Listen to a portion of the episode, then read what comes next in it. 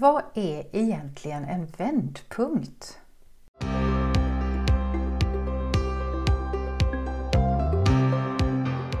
Hej och välkomna till Konsten att sabba en story.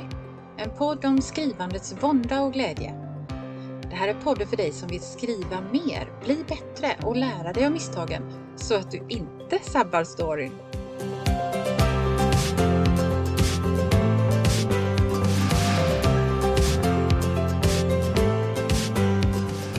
Jag heter Anna-Karin Svanå. Jag är skrivarcoach, lektör och författare. Men nu sätter vi igång!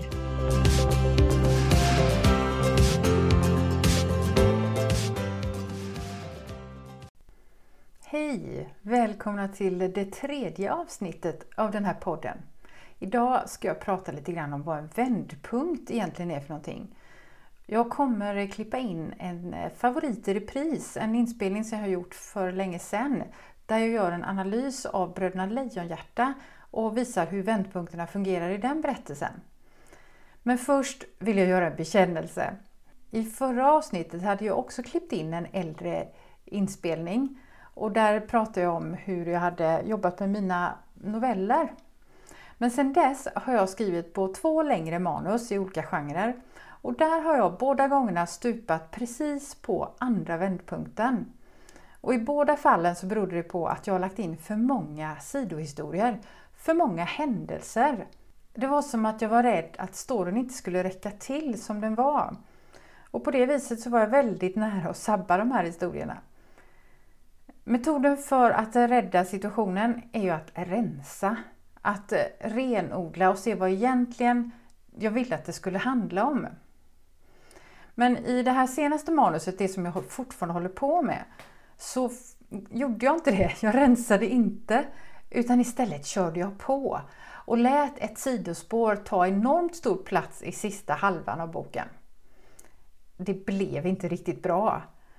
Det var inte tillräcklig koppling till den här första premissen, alltså vad huvudpersonen ville, behövde och det som var motståndaren, den sortens motstånd som egentligen passade för storyn. Jag hade ju lagt till ett yttre motstånd som tog udden av det inre motståndet som egentligen spelade mest roll. Så jag gled över från att vara relationsfokuserad till att bli spännande skurkar-fokuserad. Men nu fick jag ju bakläxa då från två kloka text, testläsare och lektören. Och det gör att nu håller jag på att fördjupa relationerna, den inre konflikten, så att helheten blir bättre. Vändpunkterna får, hoppas jag i alla fall då, mycket större känslomässig tyngd på det här sättet och slutet kommer bli mer tillfredsställande för läsaren. Ja, vi får väl se. Jag har mycket jobb som återstår. Ibland önskar jag att jag planerade lite bättre från början, sådär som en del säger då att man ska göra. Men jag gillar ju också att skriva på ett upptäckande och utforskande sätt. Kanske får jag helt enkelt lita på processen och låta den ha sin gång. Nu ska ni få höra en favoritrepris då, en analys av Bröderna Lejonhjärta som tidigare sänts som livesändning på Facebook. Här kan man se hur vändpunkterna kan forma berättelsens känslomässiga ryggrad.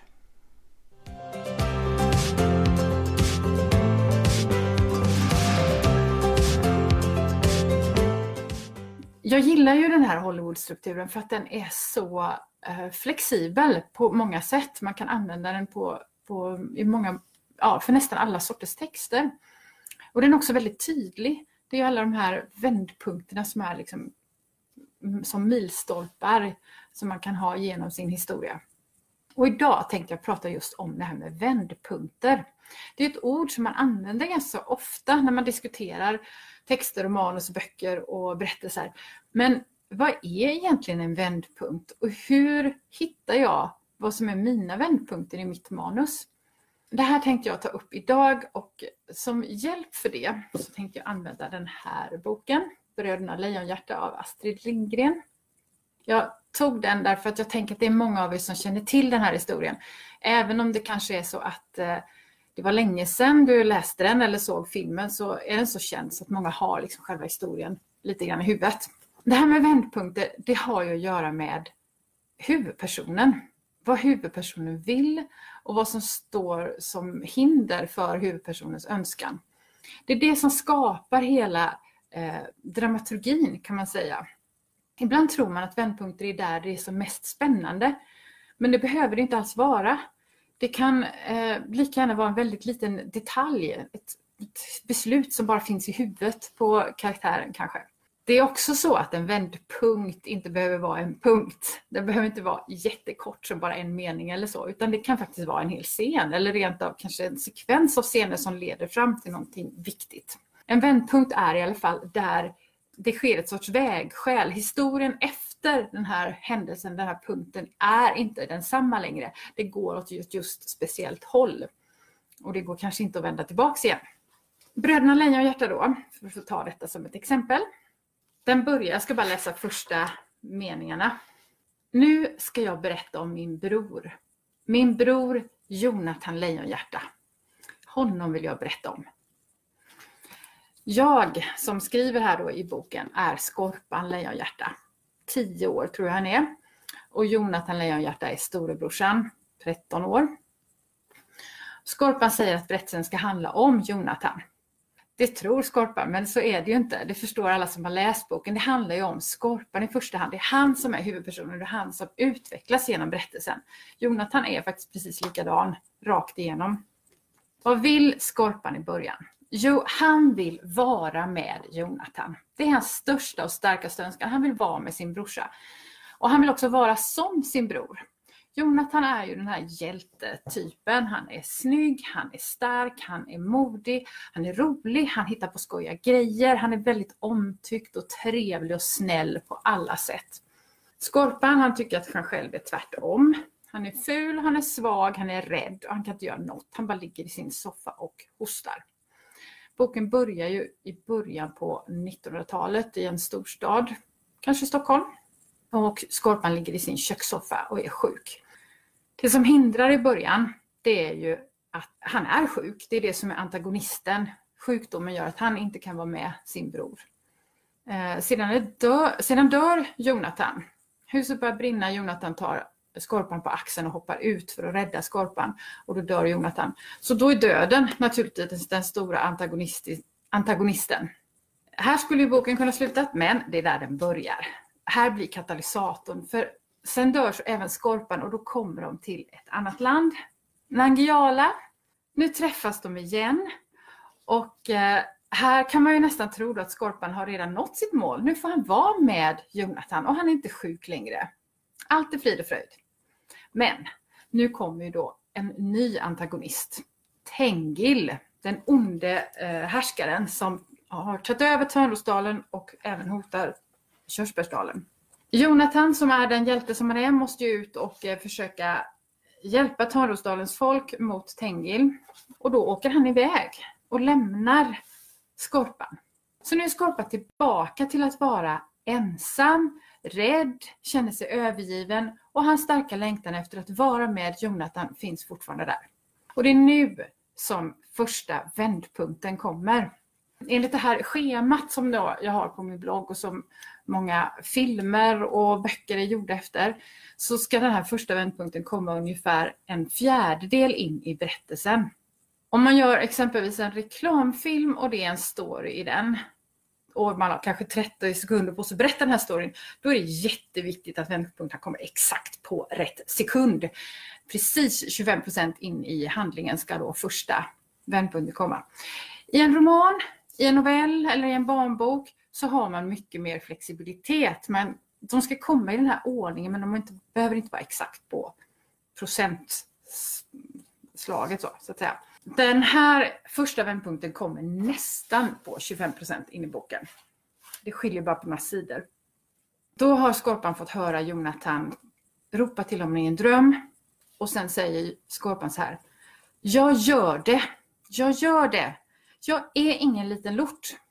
Vad han har bestämt sig för att göra det är att rida efter Jonathan. Och att vara en liten lort, det är något sånt där som, som har blivit ett bevingat uttryck, så ni har säkert hört det. Jonathan sa att ibland måste man göra saker fast man är rädd, för annars är man ingen människa utan bara en liten lort. Skorpan vill såklart inte vara en liten lort. Så han ger sig ut efter efter Jonathan, ensam uppe i bergen. Här agerar, nej, reagerar nu eh, Skorpan på det som händer.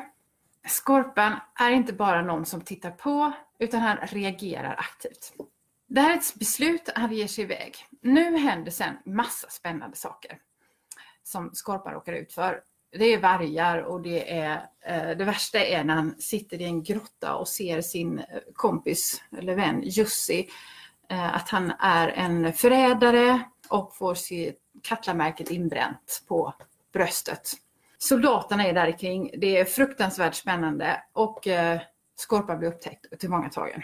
Nu verkar det som att det har gått helt åt skogen. Det gick inte så bra för Skorpan när han skulle ut och, och, få tag på Jonathan.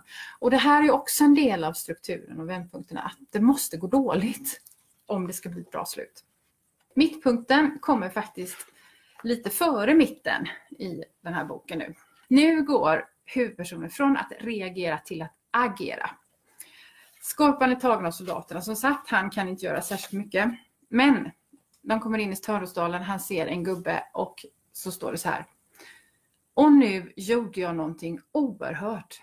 Jag hoppade av Fjalar, hästen då. Och med ett par språng var jag framme hos gubben. Jag kastade mig i hans famn. Ja, nu agerar Skorpan. Tvärt sin rädsla, tvärt förnuftet kanske. Han eh, väljer ut en gubbe och kallar honom sin farfar. Och det här leder ju sen till att han faktiskt hittar Jonathan. Så nu har Skorpan gått från att reagera till att agera. Det som sen händer är ju upptrappningen. Och eftersom det här är en äventyrsbok så är upptrappningen ganska lång. Det är massa saker som händer här. Det är ena spännande händelsen efter den andra. De ser Tengil och de får se, de får se Katla. Det här är ju verkligen en antagonist som heter duga. Men Skorpan har ju också sin inre antagonist, sin egen rädsla. Och det är den han måste kämpa mot hela tiden. Jonathan kämpar mot Tengil och mot Katla. Men Skorpan kämpar mot sin inre antagonist, sin rädsla. Så kommer då den sista vändpunkten, vändpunkt nummer två. Då, är, då handlar det om vad huvudpersonen gör när allting verkligen står på sin spets. Nu ska det vara eh, en fråga om liv och död. Och just i den här historien så är det ju frågan om liv och död hela tiden. Men även kanske i en kärleksroman eller vad det nu kan vara där det inte alls är ett reellt dödsord. Så ska det ändå vara en känsla av att nu står det verkligen på sin spets. Nu offrar huvudpersonen någonting för att kunna nå sitt mål. Och vad gör då Skorpan här? Jo, han och Jonathan sitter på samma häst, de är jagade av soldater. Och de inser att eh, de kommer, hästen kan inte springa tillräckligt fort för det är för tungt. Och då står det så här. Jonathan visste nu lika bra som jag att vi inte kunde rädda oss, inte båda två. Och det var nödvändigt att Jonathan kom undan. Jag kunde inte låta honom bli fast för min skull. Och därför sa jag, Jonathan, gör som jag säger nu. Släng av mig bakom en krök när de inte ser det. Han blev häpen först, det märkte jag, men inte så häpen som jag var själv. Vågar du verkligen det? Så, frågade Jonathan. Nej, men jag vill det ändå, sa jag. Vad gör Skorpan alltså? Han som mest av allt vill vara med sin bror. Han offrar nu detta för att brodern ska kunna klara sig. Det här är ett typiskt exempel på när det verkligen är något viktigt som gäller för huvudpersonen. Trotsar sina inre antagonister, vinner över dem och gör det som han känner att han måste. Här är ju berättelsen inte slut. För nu kommer ju eh, klimax. Det blir ännu mer spännande. Eh, nu kommer stridens sista stridens dag. Nu är det Jonathan igen som är den som agerar. Men i, i den här sortens struktur och när, det, när, man ska titta på vändpunkter och klimax så är det viktigaste är faktiskt att huvudpersonen är den som agerar i slutet. Annars så känns det lite som lite snuppet. Det blir inte den där riktiga tillfredsställelsen för läsaren när man får vara med om upplösningen. Det sista som händer är att faktiskt det är Skorpan som agerar. Och här blir det just en parallell till början av boken när Jonathan räddade Skorpan genom att ta honom på sin rygg och hoppa ut ur det brinnande eh, huset. Nu är det Skorpan som är den modiga som tar Jonathan på sin rygg och hoppar för att de ska eh, klara sig. Eh, det har gjorts jättemycket studier om den här boken från litterära, litteraturvetenskapligt håll och vuxna har tyckt att det är ett hemskt slut. De hoppar ju för de, de begår ju självmord i slutet. Barn däremot brukar tycka att det här är ett lyckligt slut. De hoppar för de räddar sig. Och de kommer ju inte in i döden utan de kommer till Nangelima. Och det slutar med att jag ser ljuset. Ja, jag tycker att det här är en fantastisk bok. Det hör ni kanske när jag pratar om den. Och den är så tydlig för man ser verkligen huvudpersonens utveckling och vändpunkten, den där känslomässiga ryggraden, det är den som styr historien, inte alla de spännande sakerna. De finns ju där såklart också och det är det som gör att man kanske vill vända blad. Men det hade inte hängt ihop om det inte hade, alla spännande his, eh, händelser hade ju inte haft något sammanhang, ingen, ingen funktion om inte det hade funnits den här känslomässiga ryggraden som är Skorpans utveckling och hans vändpunkter. Att gå från att vara liten och rädd till att bli den som faktiskt vågar. Han tror aldrig att han är modig genom hela boken, men han är ju det. Jag hoppas att ni har haft lite nytta av att lyssna på det här, denna lilla genomgång av Bröderna Lejonhjärta och vad en vändpunkt kan vara. Titta gärna igenom ditt manus nu, det som du håller på med, och se om du har den här känslomässiga ryggraden som stöd för hela handlingen i boken. En del tycker att det här är jättestolpigt och hårt att ha den här fasta strukturen. Så ska det komma en vändpunkt där och sen ska det vara den och sen ska det vara den. Eh, men i själva verket så är det ju så att detta, det är detta som gör att det kan bli så eh, många olika historier. Det är ungefär som att alla vi människor har ett skelett, men samtidigt så är vi ju hur, hur olika som helst. Så strukturen är som skelettet och sen kan vi göra vad som helst av det. Så det kan vara en barnbok som den här. Eh, det kan vara noveller. Det kan vara äventyrsböcker. Eller kanske en klassisk kärleksroman. De är uppbyggda på samma sätt i princip. Jag tycker ju det är lite skojigt att analysera saker så att jag, jag gör ju det hela tiden. Om du tycker det är lite roligt också så titta nästa gång du läser en bok eller ser en tv-serie eller en film eller vad som helst. Se om du kan upptäcka var ligger vändpunkterna och vilka är de? Och fungerar de så här som jag har sagt nu?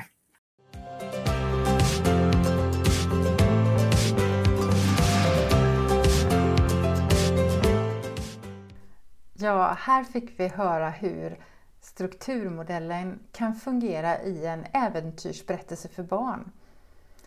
När en berättelse slutar med att huvudpersonen når sitt mål även om det kanske inte var exakt som hen hade föreställt sig, så behöver det finnas ett tillfälle när det verkar gå käpprätt åt fel håll. Det är det som kallas för själens dunkla natt och när hoppet nästan är helt ute. Och det här brukar infalla strax före andra vändpunkten.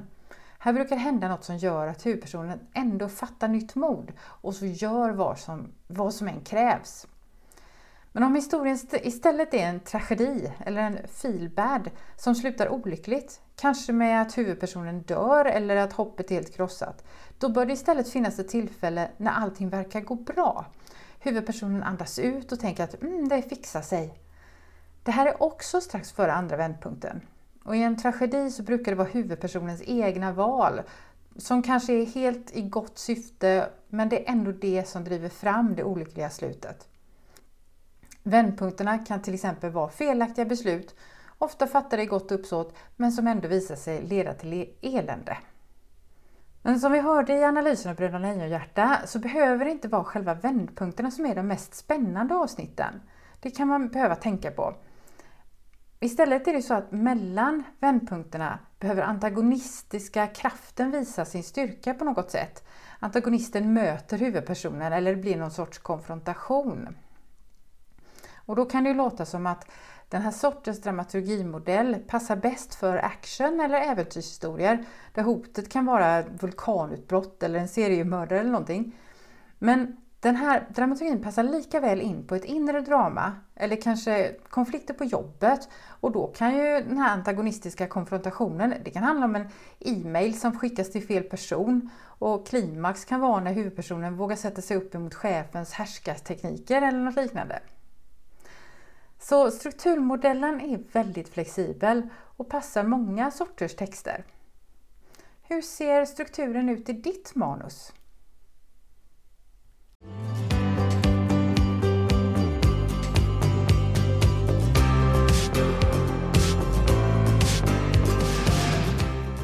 Det var allt för idag.